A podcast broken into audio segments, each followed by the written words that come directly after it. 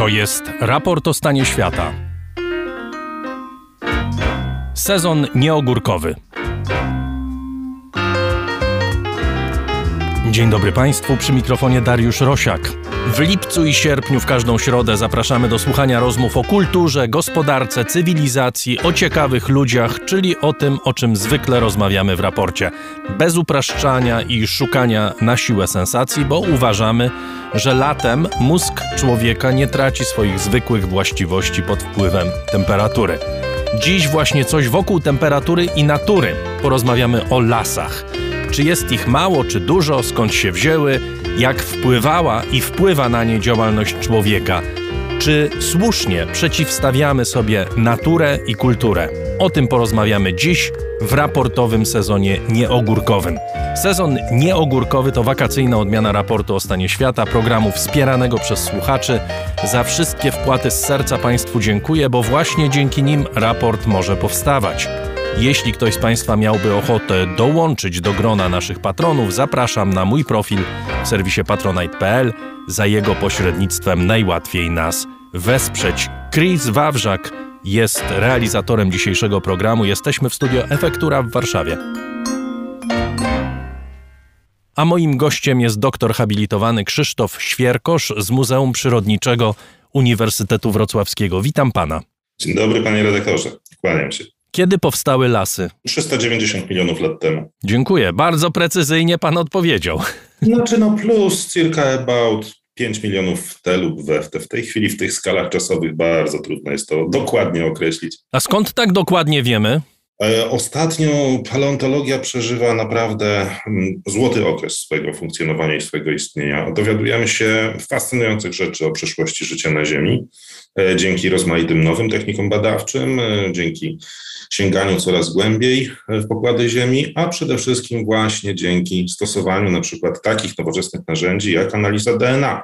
Co prawda DNA do Devonu, czyli do początków lasów, to nie sięga, przynajmniej jeszcze, e, natomiast już się świetnie sprawdza w, na przykład w analizie ekosystemów e, Pleistocenu, gdzie dowiadujemy się dokładnie po analizie szczątków DNA zachowanych w warstwach gleby, jakie rośliny rosły, jakie zwierzęta przechodziły, w jakich ilościach to jest absolutnie fascynująca rzecz, aż żałuję, że nie jestem paleontologiem i w ogóle się na tym nie znam. Natomiast jeśli chodzi o lasy, no to dysponujemy całymi seriami skamieniałości e, zdrewniałych, ponieważ e, lasy mogły pojawić się wtedy, kiedy pojawiło się takie ewolucyjne nowum, które nazywa się ligniną. Wtedy dopiero rośliny mogły zacząć budować trwałe pnie takie pierwsze, najniższe drzewa, one miały około 8 metrów wysokości. To były oczywiście rośliny jeszcze zarodnikowe ale już możemy wtedy mówić o prawdziwych drzewach i początkach prawdziwych lasów. A przed lasami co było na Ziemi? A to zależy, jak daleko sięgniemy, panie, panie redaktorze. Bo jeśli sięgniemy 3,5 miliarda lat temu, to mieliśmy do czynienia z ekosystemami budowanymi przez e, organizmy jednokomórkowe, archany i bakterie. E, około 2,4 miliarda lat temu mieliśmy do czynienia z takim pierwszym, bardzo też od niedawna, o tym wiemy, od mniej więcej 10 lat, epizodem ziem, budowania pierwszych organizmów wielokomórkowych, który trwał przez prawie 400 milionów lat. Ziemia była wtedy bardzo produktywnym mm, miejscem. E, produkcja pierwotna e, czyli to wykorzystanie energii słonecznej i energii chemicznej była o rząd wielkości wyższa niż dzisiaj nawet. To się skończyło po 400 milionach lat wielkim zlodowaceniu hurońskim, ponieważ organizmy, które E, czerpały wtedy składniki odżywcze z ziemi e, tak dalece i tak szybko się namnażały, że wyczerpały cały azot i fosfor. Prawdopodobnie spowodowało to gigantyczne załamanie ekosystemu ziemskiego, więc tak daleko sięgają nasze pierwsze wymierania.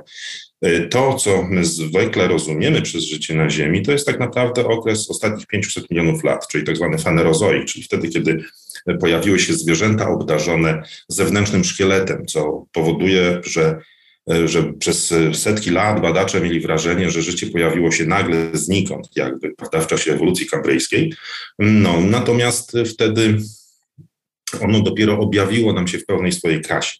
Wtedy dopiero pozostało wiele skamieniałości, tych trylobitów i innych wczesnych organizmów kambryjskich. E, ląd wtedy był jeszcze zupełnie jałowy. Prawdopodobnie dlatego, że E, światło ultrafioletowe, które ma bardzo negatywny wpływ na organizmy żywe, e, no, powodowa, ono powoduje degradację i degenerację DNA. Można się przed nim schronić pod ziemią. Być może jakieś organizmy podziemne wtedy już funkcjonowały, ale rośliny, które mogłyby żyć na Ziemi, jeszcze wtedy nie występowały.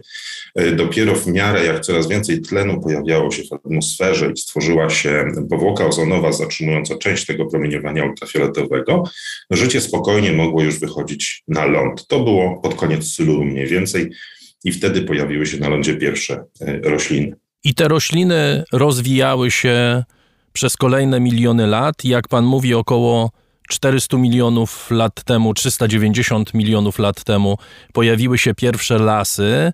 I gdzie one były? To znaczy, jak wtedy wyglądało zalesienie Ziemi? Tego dokładnie jeszcze nie wiemy, ponieważ e, aż tak dokładnych danych e, no, nie mamy.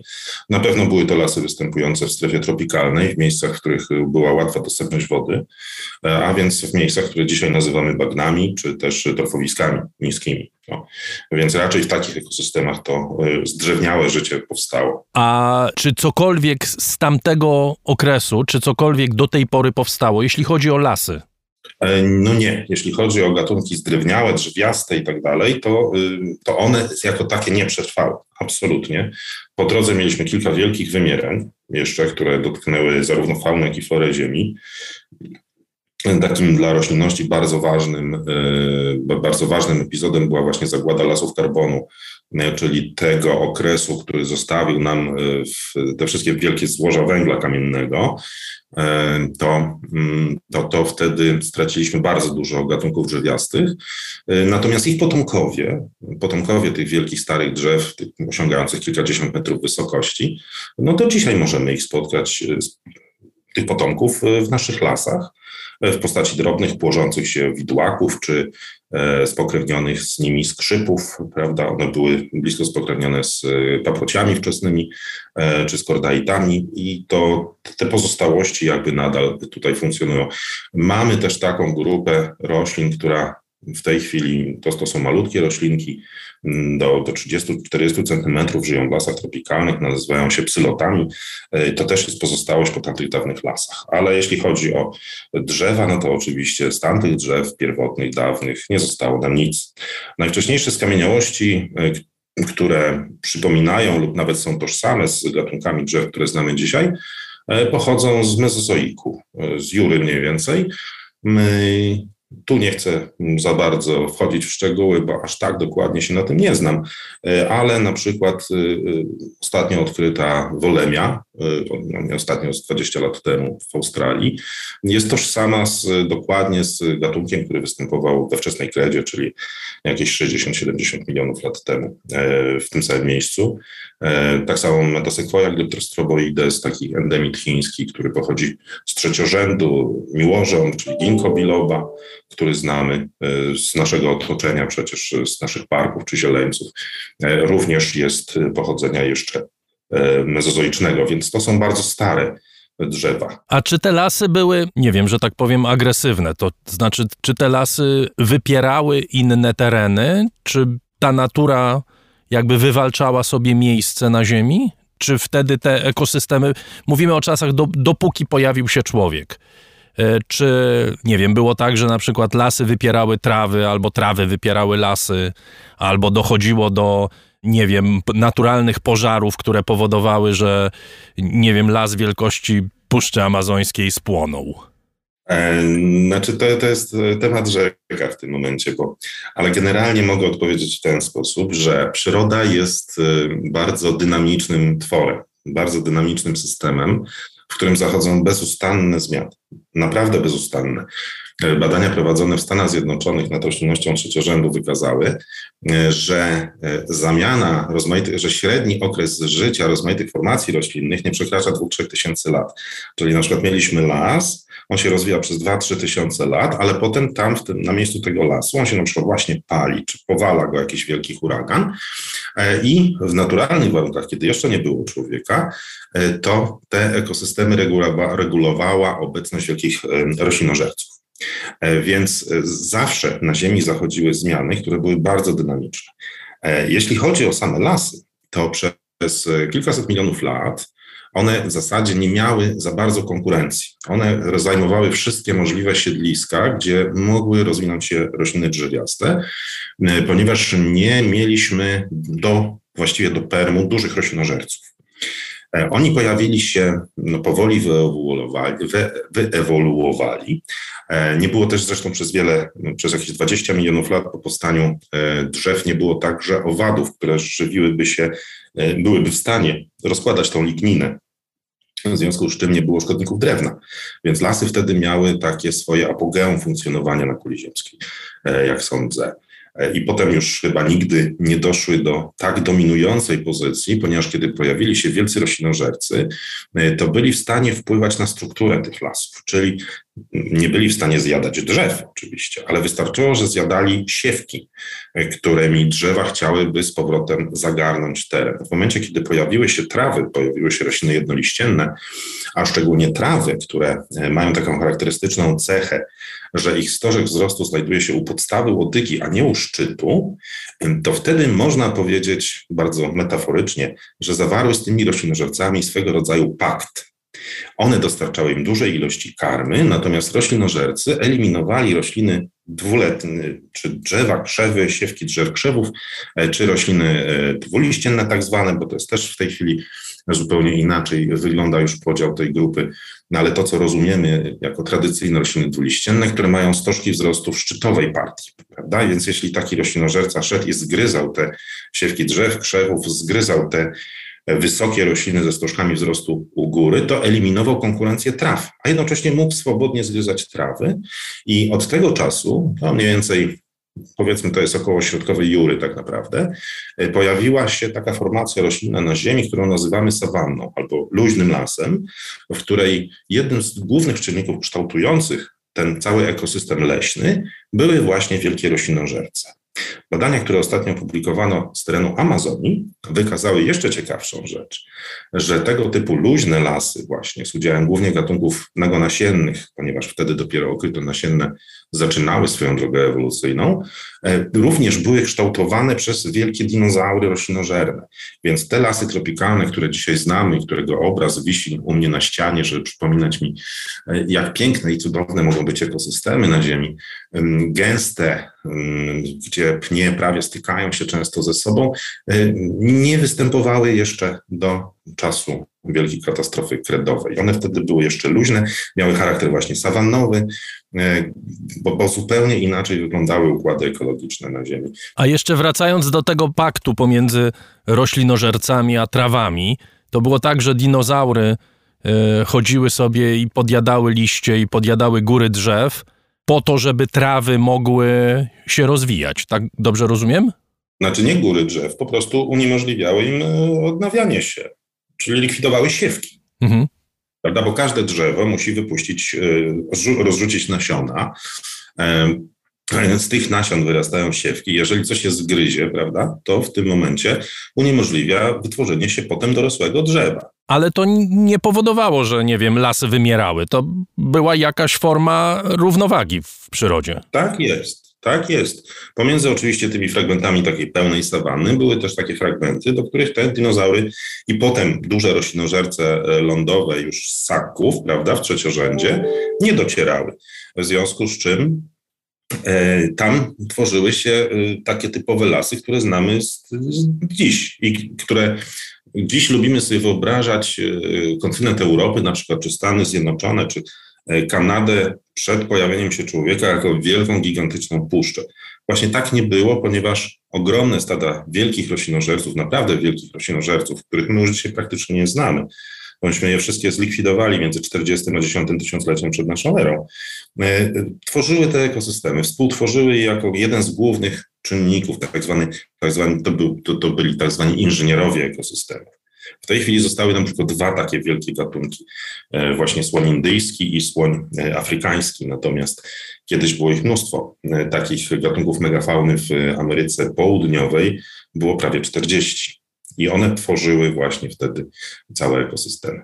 Więc te lasy kiedyś wyglądały zupełnie inaczej niż te, do których my dzisiaj jesteśmy przyzwyczajeni i które uważamy za właśnie naturalne, pierwotne, właściwe i tak dalej.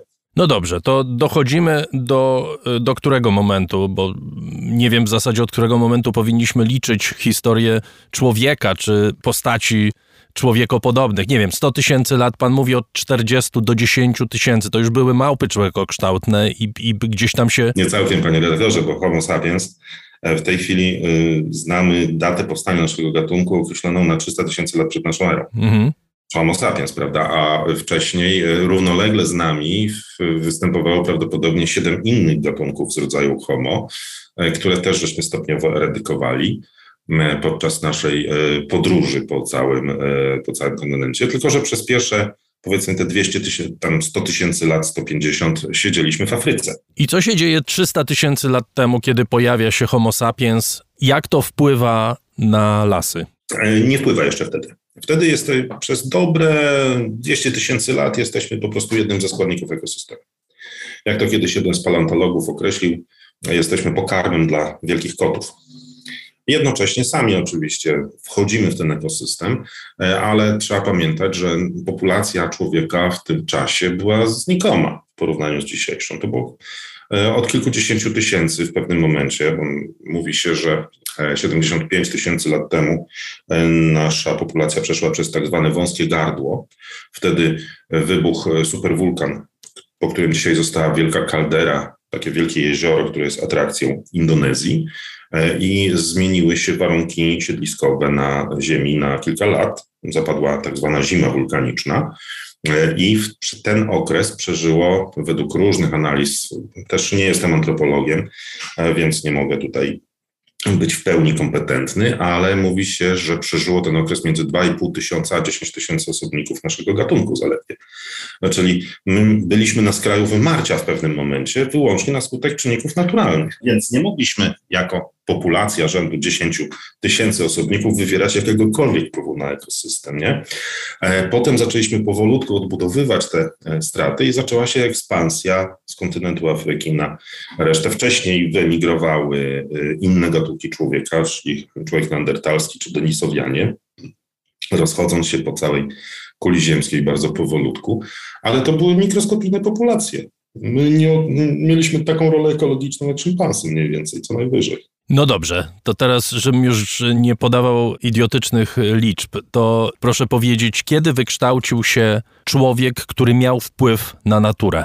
Podejrzewam, że wtedy, kiedy uzyskał zdolność e, używania aktywnego ognia w polowaniu, ponieważ powodowało to zmiany w ekosystemach, e, czyli podpalał jakiś fragment lasu czy sawanny i po w drugim miejscu, w jakimś innym e, miejscu czaili się łowcy z bronią, e, ostrą oczywiście, e, ale przede wszystkim ten, tak naprawdę to, to chyba wtedy, kiedy uzyskaliśmy umiejętność rażenia naszych ofiar z dużej odległości.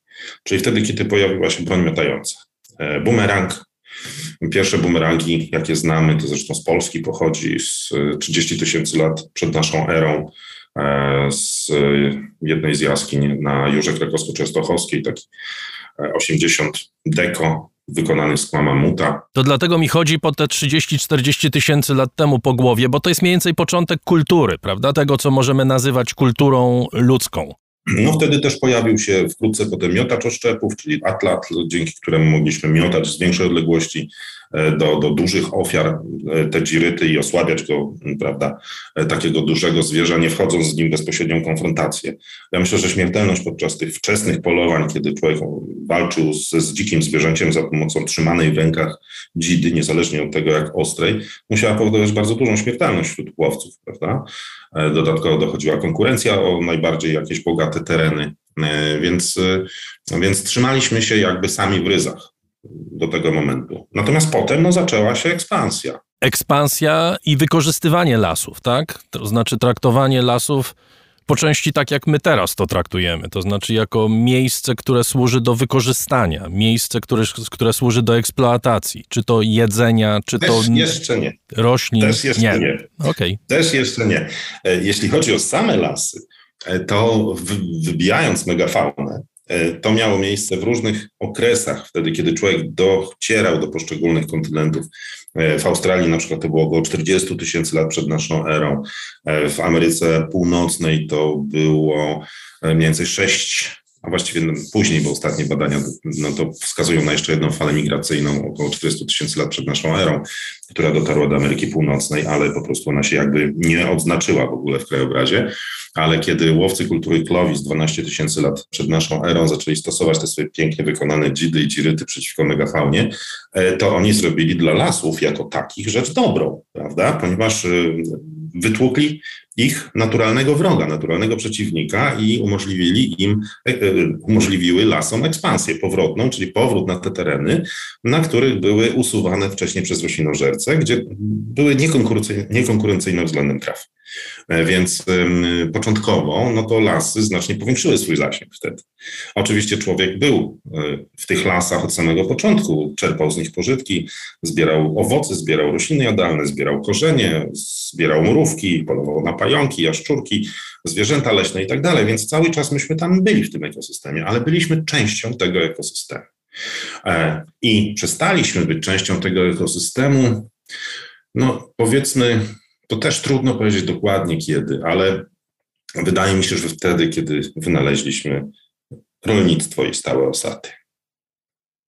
Wtedy właśnie, znaczy to chyba powiedzmy 10 tysięcy lat przed naszą erą, kultura natufijska, wybrzeże Morza Śródziemnego, okolice dzisiejszego Izraela, Libanu, Półwyspu Synaj. Tam powstały pierwsze osady, potem e, Çatalhöyük, prawda, we współczesnej Anatolii, Gobly Tepe e, i te wszystkie inne artefakty wczesnych, pasterskich jeszcze, czy myśliwskich społeczności, ale które świadczą już o dużej koncentracji i władzy i jakich powstawaniu jakichś ośrodków decyzyjnych, no to wszystko to już musiało mieć. Czyli, czyli rolnictwo zabijało lasy, rolnictwo ograniczało ekspansję lasów i, i w ogóle stan zalesienia planety, tak? No, z pewnością na początku tak. Chociaż to też objawiało się różnie w różnych miejscach, bo yy, na przykład gdzie powstało rolnictwo? Na Bliskim Wschodzie. Tak, to się nazywało Rzezny Półksiężyc. Czyli tam istniały warunki, zresztą proszę przypomnieć sobie Stary, Stary Testament, gdzie, gdzie przyprowadził Mojżesz swój lud do ziemi obiecanej, mlekiem, miodem płynącej, prawda? Jak się popatrzy na dzisiejszą pustynię Negev, to, to, to nie wygląda jak kraina obiecana. E, e, tereny dzisiejszej Syrii, dawnej Mezopotamii, czyli Irak, dzisiaj są pustynią. No. Kto tą pustynię zrobił? No my. Tak, panie profesorze, tylko my mamy czasami takie przekonanie, że to wszystko my zrobiliśmy, to znaczy my po czasach rewolucji przemysłowej. A ja Przeczytałem niedawno, przypomniałem sobie taką piękną, znakomitą książkę Simona Szamy, Krajobraz i Pamięć, w którym on między innymi pisze o lasach, piękne historie. I on podaje taką informację, że wbrew temu, co nam się wydaje na przykład, mnie się tak wydawało, że całe wyspy y, brytyjskie były zalesione do czasu, dopóki nie nastąpiła ekspansja, rewolucja przemysłowa, ekspansja przemysłu i tak dalej. On mówi, że tak, w czasach Williama Zdobywcy na wyspach było 15% zalesionego terenu. Wszystko wcześniej zostało wykarczowane przez Celtów. Że tak powiem, rewolucja przemysłowa przyszła na gotowe.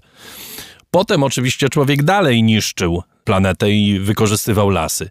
Ale to nie było tak, że 2000-5000 lat temu te lasy nie były eksploatowane przez człowieka. No oczywiście. E, o ile pamiętam, to minimalne zalesienie Wysp Brytyjskich przyszło wraz z eksploatacją lasów przez Cesarstwo Rzymskie. No to 6%, 6% zalesienia oni wtedy mieli. To, to po prostu to była półpustynia, prawda? No ale to był też okres wielkiego przemysłu, no bo oni budowali z, tych, z tego drewna, budowali wszystko, prawda? Drogi, statki, miasta. Statki, przede wszystkim statki. No, a, a popatrzmy na obecny obszar Morza Śródziemnego przecież. No, dzisiaj e, każdy, kto wypoczywa, no, kojarzy go z czym? No, z makią, z jakąś fryganą niziutką, z tymi pięknie pachnącymi ziołami, ze skałami wystającymi wapiennymi wszędzie, gdzie tylko można, e, gdzie tylko jak brakuje tej powierzchni pokrywy roślinnej, a to wszystko przecież było pokryte przez wielkie lasy cedrowe. No.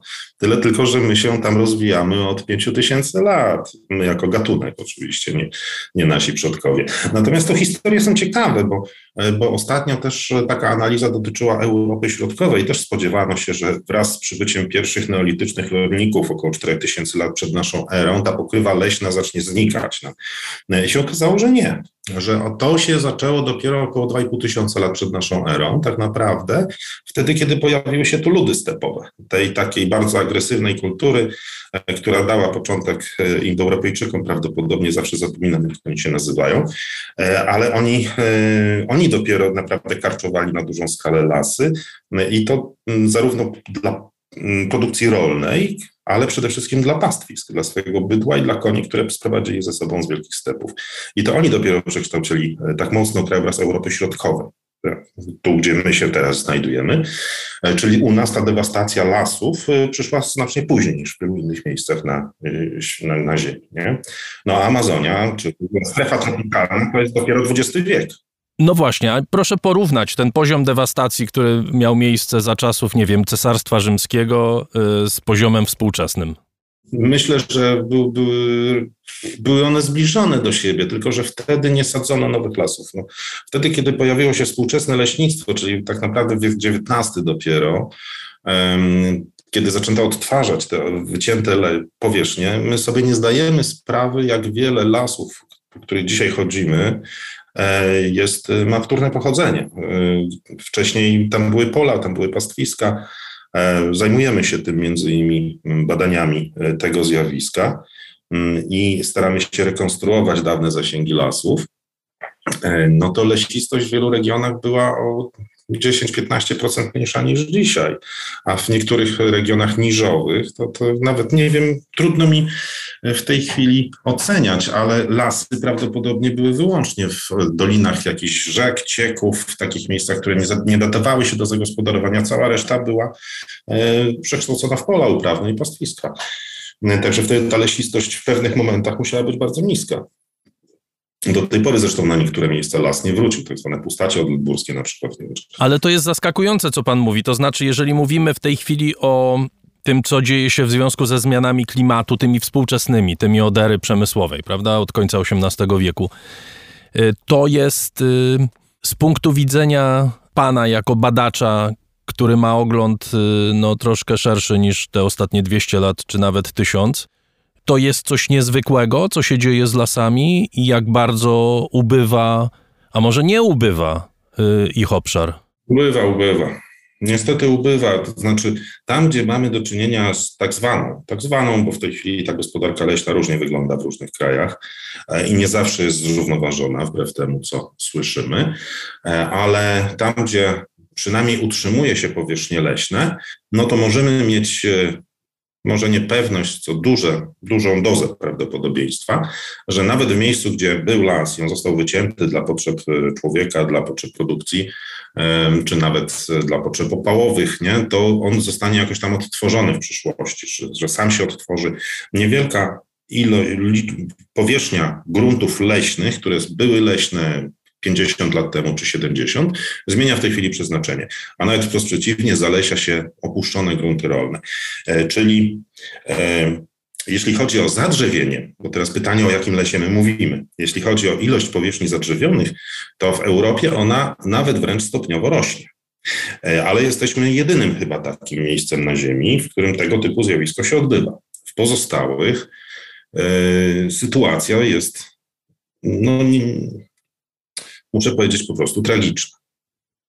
E, szczególnie w lasach tropikalnych w tej chwili, które są, tak jak wspominałem, one tak naprawdę ich dewastacja na dużą skalę zaczęła się dopiero w wieku XX e, i, i, i znaczy inaczej.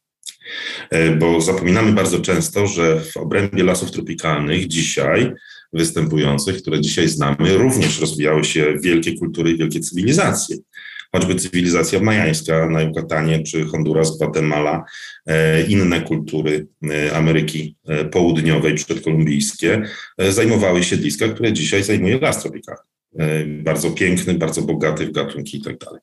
E, on się odtworzył po prostu na ruinach tych miejsc. To samo z cywilizacją kmerską.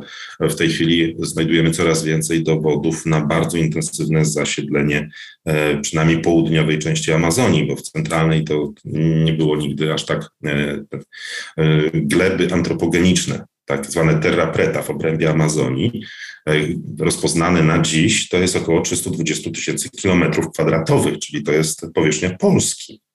E, więc ten region był bardzo mocno zalesiony.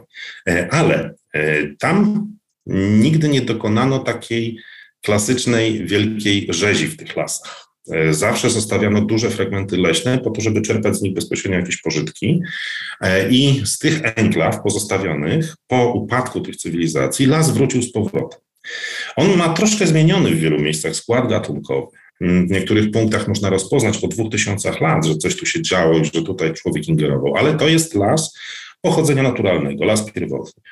W tej chwili mamy do czynienia z innym zjawiskiem. Kiedy wycinamy las, to on już tam nie wraca. On już tam wróci dopiero, kiedy upadnie nasza cywilizacja. My tam sadzimy soję, tam wprowadzamy gigantyczne stada bydła, degenerujemy ziemię, powodujemy erozję gleb. To znaczy, nawet jakbyśmy przestali sadzić tą soję, to ten las się nie odbuduje?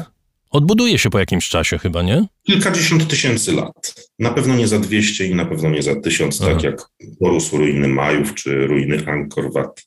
Niestety. To nie jest sytuacja z Czernobyla, który zarasta w tej chwili. No widzimy, że on zarasta, bo tam nie dokonano erozji gleby. Znaczy tam no, też nie jest jakoś tak idealnie, bo badania, które były prowadzone świadczą o tym, że aktywność na przykład mikroorganizmów glebowych, które są bardzo ważne dla lasu, o których bardzo często zapominamy, bo gdzieś to są malutkie stworzonka gdzieś tam pod ziemią, e, jest o 40% niższa w strefie Czernobyla niż w otoczeniu. Także to nie jest tak, że tam e, wróciła dzika przyroda i że jest tak wspaniale. E, no niemniej jednak jest to pewien, pewna lekcja która pokazuje nam, jak szybko przyroda potrafi wrócić na tereny opuszczone przez człowieka, jak szybko potrafi je kolonizować. E, ale tak jak Pan wspomniał, nie było tam erozji gleb. Mm, opady są w dalszym ciągu stałe, więc jest dostateczna ilość wody, jest dostateczna ilość składników odżywczych w glebie, więc te drzewa mogą rosnąć, mogą migoryzować, mogą funkcjonować, a wraz z nimi cały ekosystem. W momencie, kiedy pozbawiamy jakieś miejsce naturalnej pokrywy glebowej, no to niestety najpierw musi wtedy otworzyć się gleba, a w strefie tropikalnej te gleby są zupełnie inne niż te, które my znamy tutaj. To jest tak naprawdę gruby pokład takiej masistej glinki nazywanej e, laterytem. To są zmielone glinokrzemiany, na których jest cieniutka warstwa próchnicy. E, ta próchnica w tropiku jest w bezustannym ruchu. Tam jakby procesy destrukcji materii organicznej odbywają się błyskawicznie z uwagi na te wysokie temperatury i wilgotności. Więc wszystko, co spada z drzew, wszystko, co zamiera, natychmiast jest przekształcane w kolejną tkankę organiczną. Tam nie występuje warstwa próchniczna w takim rozumieniu, jak my tutaj rozumiemy w strefie umiarkowanej. To są zupełnie inne ekosystemy, zupełnie inne są zasady ich funkcjonowania. Więc tam odtworzyć las tropikalny będzie bardzo ciężko. Najpierw będzie trzeba odtworzyć glebę jako taką, a to potrwa. A co by się stało, gdybyśmy kontynuowali ten proces niszczenia lasu tropikalnego, albo gdybyśmy kontynuowali proces y, karczowania tajgi y, w takim stopniu, że y, te lasy przestałyby funkcjonować w taki sposób, jak to się dzieje w tej chwili? Co by się stało z planetą? Znaczy tu znowu mamy różne rzeczy, bo w zależności od tego, o której strefie mówimy i o którym biomie, E, bo jeśli chodzi o lasy tropikalne, to tak bardzo skrótowo, ale e, w XX wieku wyczyliśmy połowę lasów tropikalnych na Ziemi. E, w tej chwili tniemy resztę. Mimo, że wszyscy mówią o konieczności ich ochrony, są rozmaite programy pomocowe, programy finansowe, jest jakiś RED i tak dalej, to ta dewastacja odbywa się dalej. W ciągu ostatnich 20 lat wycięliśmy 32 miliony E, hektarów, czyli praktycznie powierzchnię Polski. E, teraz, w ciągu ostatnich lat, te wycinki jeszcze się nasiliły. W samej Amazonii w zeszłym roku wycięto prawie 12 tysięcy mm, kilometrów kwadratowych. To jest, gdybyśmy my w Polsce wycinali tak szybko nasze lasy, to w ciągu 10 lat pozbawilibyśmy się całej pokrywy leśnej w Polsce. Od Bałtyku aż po Bieszczady i po, e, po, po Zgorzelec. Po prostu nie byłoby nic, tylko drzewa na polach. Nie? My się tym tak bardzo nie przejmujemy, no bo to się odbywa gdzieś daleko od nas. E, czytamy o tym, że wycinają lasy tropikalne, ojej, e, strasznie smutne, a tak naprawdę jesteśmy no, częścią tego ekosystemu i my korzystamy z tych wycinek. E, My korzystamy z tej soi, znaczy my jako ludzie korzystamy z wołowiny, znaczy nie my akurat, no ja na pewno nie, ale wielu ludzi je w kółko te hamburgery, które są hodowane na pastwiskach odbieranych Puszczy Amazońskiej. E, jemy, używamy wszędzie oleju palmowego przecież. E, ciężko jest w tej chwili znaleźć produkt, w którym nie ma oleju palmowego, e, a to są wszystko tereny, które są w tej chwili zabierane właśnie Puszczy Borneo na przykład, czy w Malezji kontynentalnej, czy ostatnie lasy sumatrzańskie. To wszystko pada pod plantację olejowca.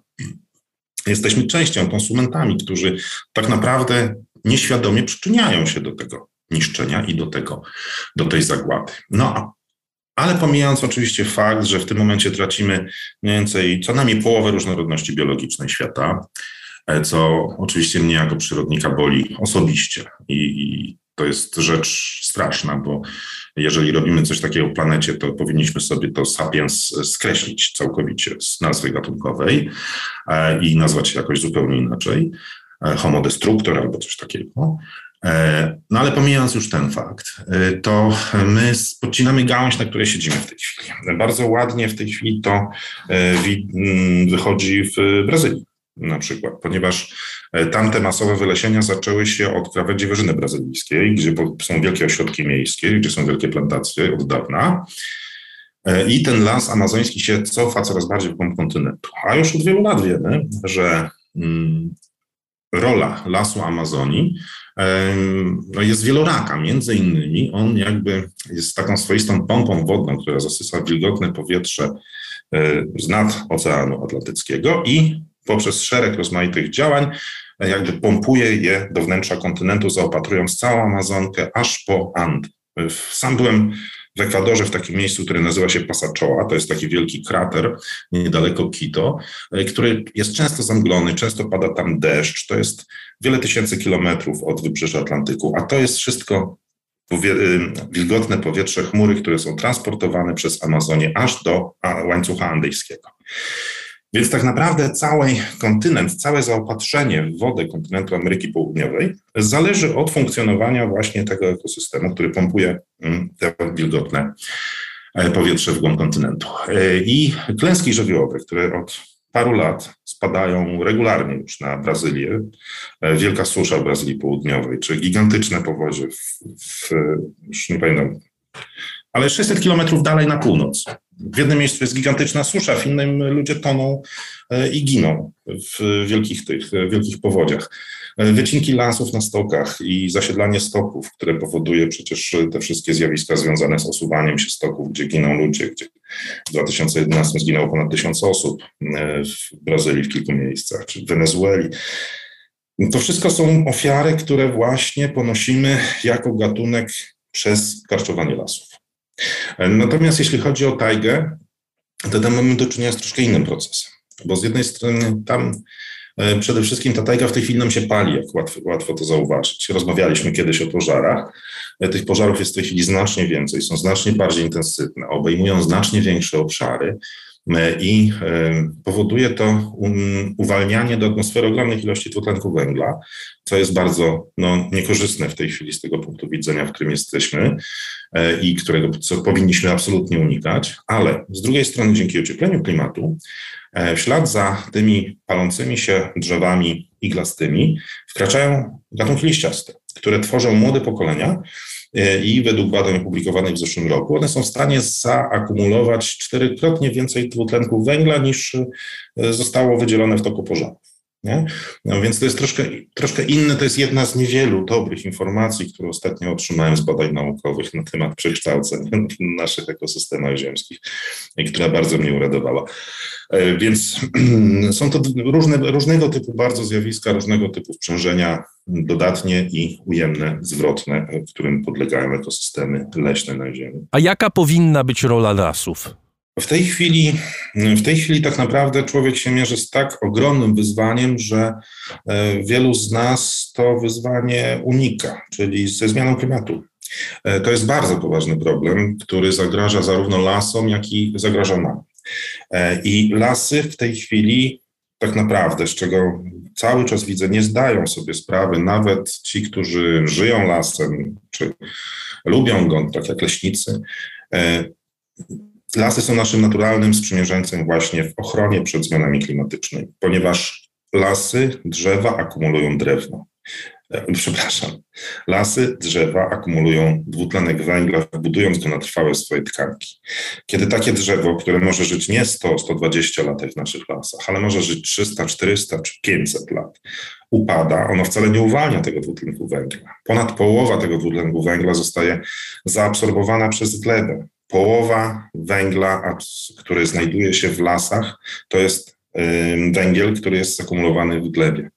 W tej chwili powinniśmy tak naprawdę, ja wiem, że to jest nierealne, że to jest, y, że to jest czysty idealizm i że nikogo nawet nie będę próbował do tego w tej chwili przekonywać, ale za 10-20 lat te moje słowa wrócą jak bumerang. Powinniśmy przestać wycinać jakiekolwiek drzewa po prostu i pozwolić im akumulować węgiel. Pozwolić lasom mm, robić to, do czego zawsze były predestynowane i czemu służyły przez miliony lat swojego istnienia. Wiem, że to wymaga zamiany mm, surowców. Można produkować drewno na plantacjach, można zrezygnować z części produktów drzewnych, czymś je zastąpić. To wymaga oczywiście bardzo dogłębnego przemyślenia. To nie jest prosta sprawa, ale tak naprawdę, jeżeli stracimy lasy, to prawdopodobnie stracimy też ludzkość. Pan mówi o tym wszystkim z punktu widzenia y, przyrodnika. Ja chciałem wrócić na koniec do tej książki i też poprosić pana o refleksję może na ten temat. Do tej książki, o której wspomniałem, Simona Szamy, brytyjskiego historyka, który pisze o tym, że las i kultura nie muszą stać w opozycji. Wręcz przeciwnie, to znaczy las y, był częścią kultury, las ludzie oglądali do bardzo niedawna, jeszcze y, starsi oglądają do tej pory przez pryzmat kultury, e, bo e, lasy były budulcem naszych mitów. Lasy miały duszę, każde drzewo czy zioło miało cel. Niektóre drzewa, niektóre rośliny posiadały, do tej pory niektóre posiadają metafizyczne cechy. E, my tego wszystkiego również pozbywamy się, kiedy miara, a nie pamięć, czy nie nasza potrzeba bycia w pełni homo sapiens staje się arbitrem wartości, prawda? To znaczy gdzieś nam umyka to, co być może do pewnego stopnia jest y, naiwnym zbudzeniem, no bo jak pan sam mówi, właściwie człowiek od samego początku eksploatował, starał się wykorzystać y, to wszystko, co mógł, ale jednak żył w jakimś kontakcie z naturą. W tej chwili to przestaje po prostu mieć miejsce. Powiedział pan, panie redaktorze, na koniec, a otworzył pan zupełnie nowy rozdział Od, dyskusji. Nie, nie musimy kończyć, niech pan mówi. nie, no bo e, ja troszkę na to inaczej patrzę, e, po moich doświadczeniach e, związanych z ochroną przyrody, czy z moimi kolegami leśnikami, jak oni patrzą na las, jak patrzą na las normalni ludzie, mieszkańcy. Ja mam zupełnie inne wrażenie. Mam wrażenie, że dla większości ludzi las był wrogiem nie miejscem e, zachwytu, e, raczej miejscem, które trzeba było w sposób magiczny obłaskawić, uspokoić, zabezpieczyć się przed niebezpieczeństwami. Ale to też jest relacja. Nawet jeżeli to jest relacja strachu, nawet jeżeli to jest relacja podziwu, nawet jeżeli to jest relacja, w której ja jestem tym mniejszym, a nade mną góruje ta korona drzewa, prawda, która jest niezbadana, dziwna. Nie wiem, czym ona jest tak naprawdę. Ona jest groźna przede wszystkim. Ona może mnie zabić, z niej może zeskoczyć żbik, ryś, tygrys, pantera, w zależności od tego, gdzie, gdzie byliśmy, gdzie żyliśmy, e, czy, czy nawet stado szympansów, które też przecież e, nie zawsze było tak prawdopodobnie e, miłe dla zwiedzających dawne lasy. Las był wrogiem, las był czymś, co trzeba okiełznać, podporządkować, uporządkować sobie. To jest pewien paradoks. My tęsknimy za lasem, chcemy go, jest dla nas, tak jak Pan mówi, jest metafizyczny, ale jednocześnie jest wrogi. Proszę popatrzeć, jak wygląda park miejski. To miejsce, do którego co weekend, kiedy jest ładna pogoda, ciągną tłumy, dosłownie, rozkładają się wszędzie w tej zieleni, chodzą, podziwiają te drzewa, ale on jest bezpieczny, on jest uporządkowany. Tam nie ma drapieżników, e, tam nie ma krzewów, nie ma chaszczy, to wszystko jest ładnie wycięte, uporządkowane, trawniki, no jakie są w tej chwili straszne protesty, kiedy się nie kosi regularnie parków co tydzień we Wrocławiu. Jakie ludzie wymyślają sobie ogromnie dużo rozmaitych rzeczy. Teraz jest nowa moda, że nie należy kosić, że miejskie łąki mają być. No i właśnie tak, ale jakie są straszne protesty przeciwko temu? No, e, mam niedaleko park, który nie jest koszony. Jest, to znaczy on jest koszony normalnie dwa, trzy razy w roku, tak jak były kiedyś łąki koszone.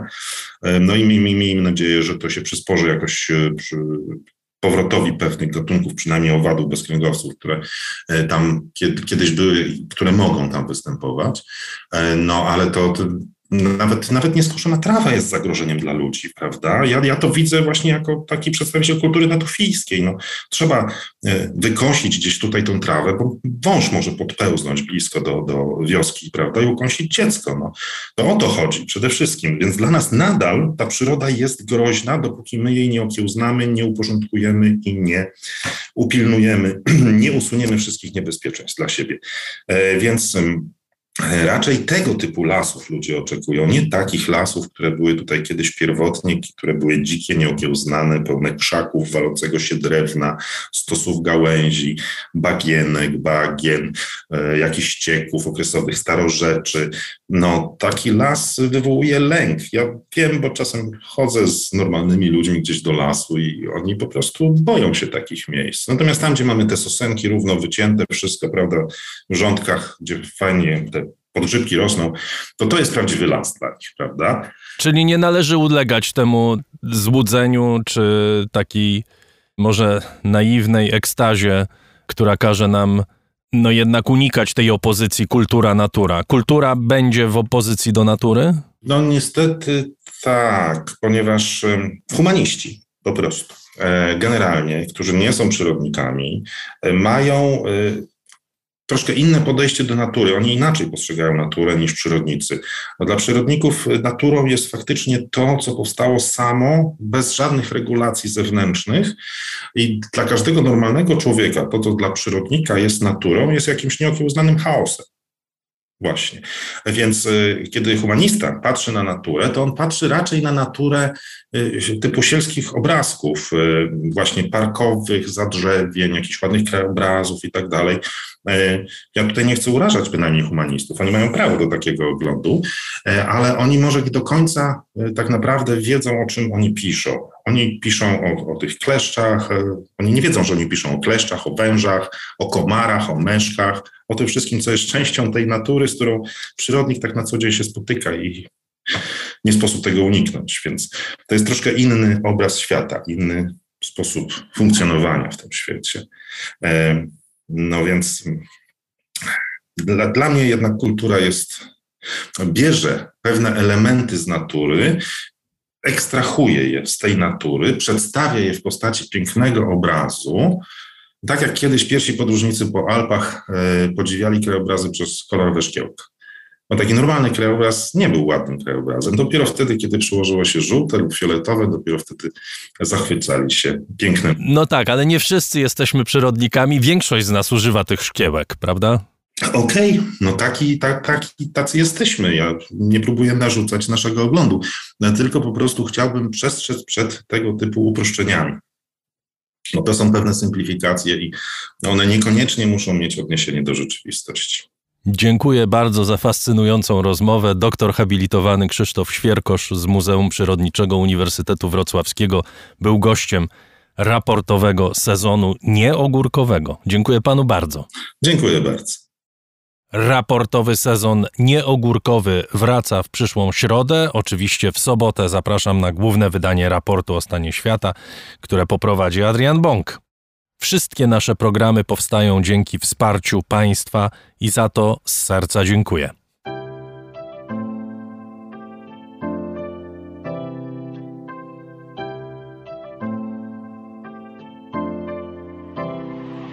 Raport o stanie świata od marca 2020 roku rozwija się dzięki Państwa zaangażowaniu i szczodrości.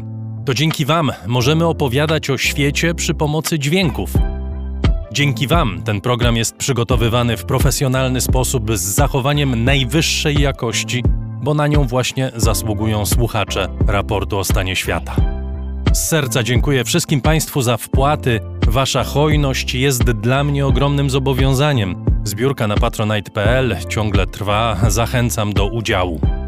Najhojniejsi patroni raportu o stanie świata to firma Ampio Smart Home, Aureus, leasing, kredyt, ubezpieczenia, księgowość. Sprawdź nas na www.aureus.pl. Hotel Bania Termal w Białce Tatrzańskiej, oferujący pakiety pobytowe z termami w cenie. Firma doradcza Crido. Galmet, polskie pompy ciepła. Gdzie polek.pl Wyszukiwarka leków w aptekach stacjonarnych i internetowych. Razem w przyszłość. Polsko-Japońska Akademia Technik Komputerowych, Warszawa, Gdańsk, Bytom. Catering dietetyczny Lightbox, oferujący dietę pudełkową z wyborem potraw z różnych kuchni świata. Michał Małkiewicz. Firma Software Mill. Od zawsze zdalni programują dla całego świata. Dom wydawniczy Muza, bo świat nie jest nam obojętny. Uber. Myślimy globalnie, działamy lokalnie. A także BIMV.pl. Kursy online dla inżynierów. Liceum Błeńskiej Gdańsk-Kowale. Przemyślana edukacja w dobrym miejscu. Piotr Bochnia. Cargo Move. Polska firma spedycyjna o globalnym zasięgu. Transport, spedycja, logistyka. CIO Net and Digital Excellence. Łączymy ludzi i idee. Grupa brokerska CRB. Ubezpieczenie należności dla Twojej firmy. Bezpłatne porównanie ofert www.grupacrb.pl. Agata Fischer. Marek Jerzewski. JMP. Z miłości do sportu, z najlepszych tkanin w sercu Podhala szyjemy dla Was porządną odzież. Palarnia kawy La Cafo z Augustowa. LSB Data. Dedykowane aplikacje internetowe dla biznesu. Masz pomysł? Zrealizujemy go. lsbdata.com Wydawnictwo Uniwersytetu Łódzkiego. Wydawca książek serii Krótkie Wprowadzenie. Aplikacja Moja Gazetka. Polska proekologiczna aplikacja zakupowa z gazetkami promocyjnymi i nie tylko. Moja Gazetka. Kupuj mądrze. Oil Medica. Kosmetyki pod Twoją marką. Firma Prosper z Sosnowca, hurtownia elektroenergetyczna i właściciel marki Czystuś. Drukarnia cyfrowa totem.com.pl. Dla nas książka zasługuje na najwyższą jakość. Fundacja Wasowskich, opiekująca się spuścizną Jerzego Wasowskiego i wydawca książek Grzegorza Wasowskiego. Szczegóły na wasowscy.com. Wayman, oprogramowanie wspomagające firmy inżynieryjne w zarządzaniu projektami, stworzone przez polskich inżynierów dla sektora projektowego. www.wayman Software. Dziękuję bardzo. To dzięki Państwu mamy raport o stanie świata.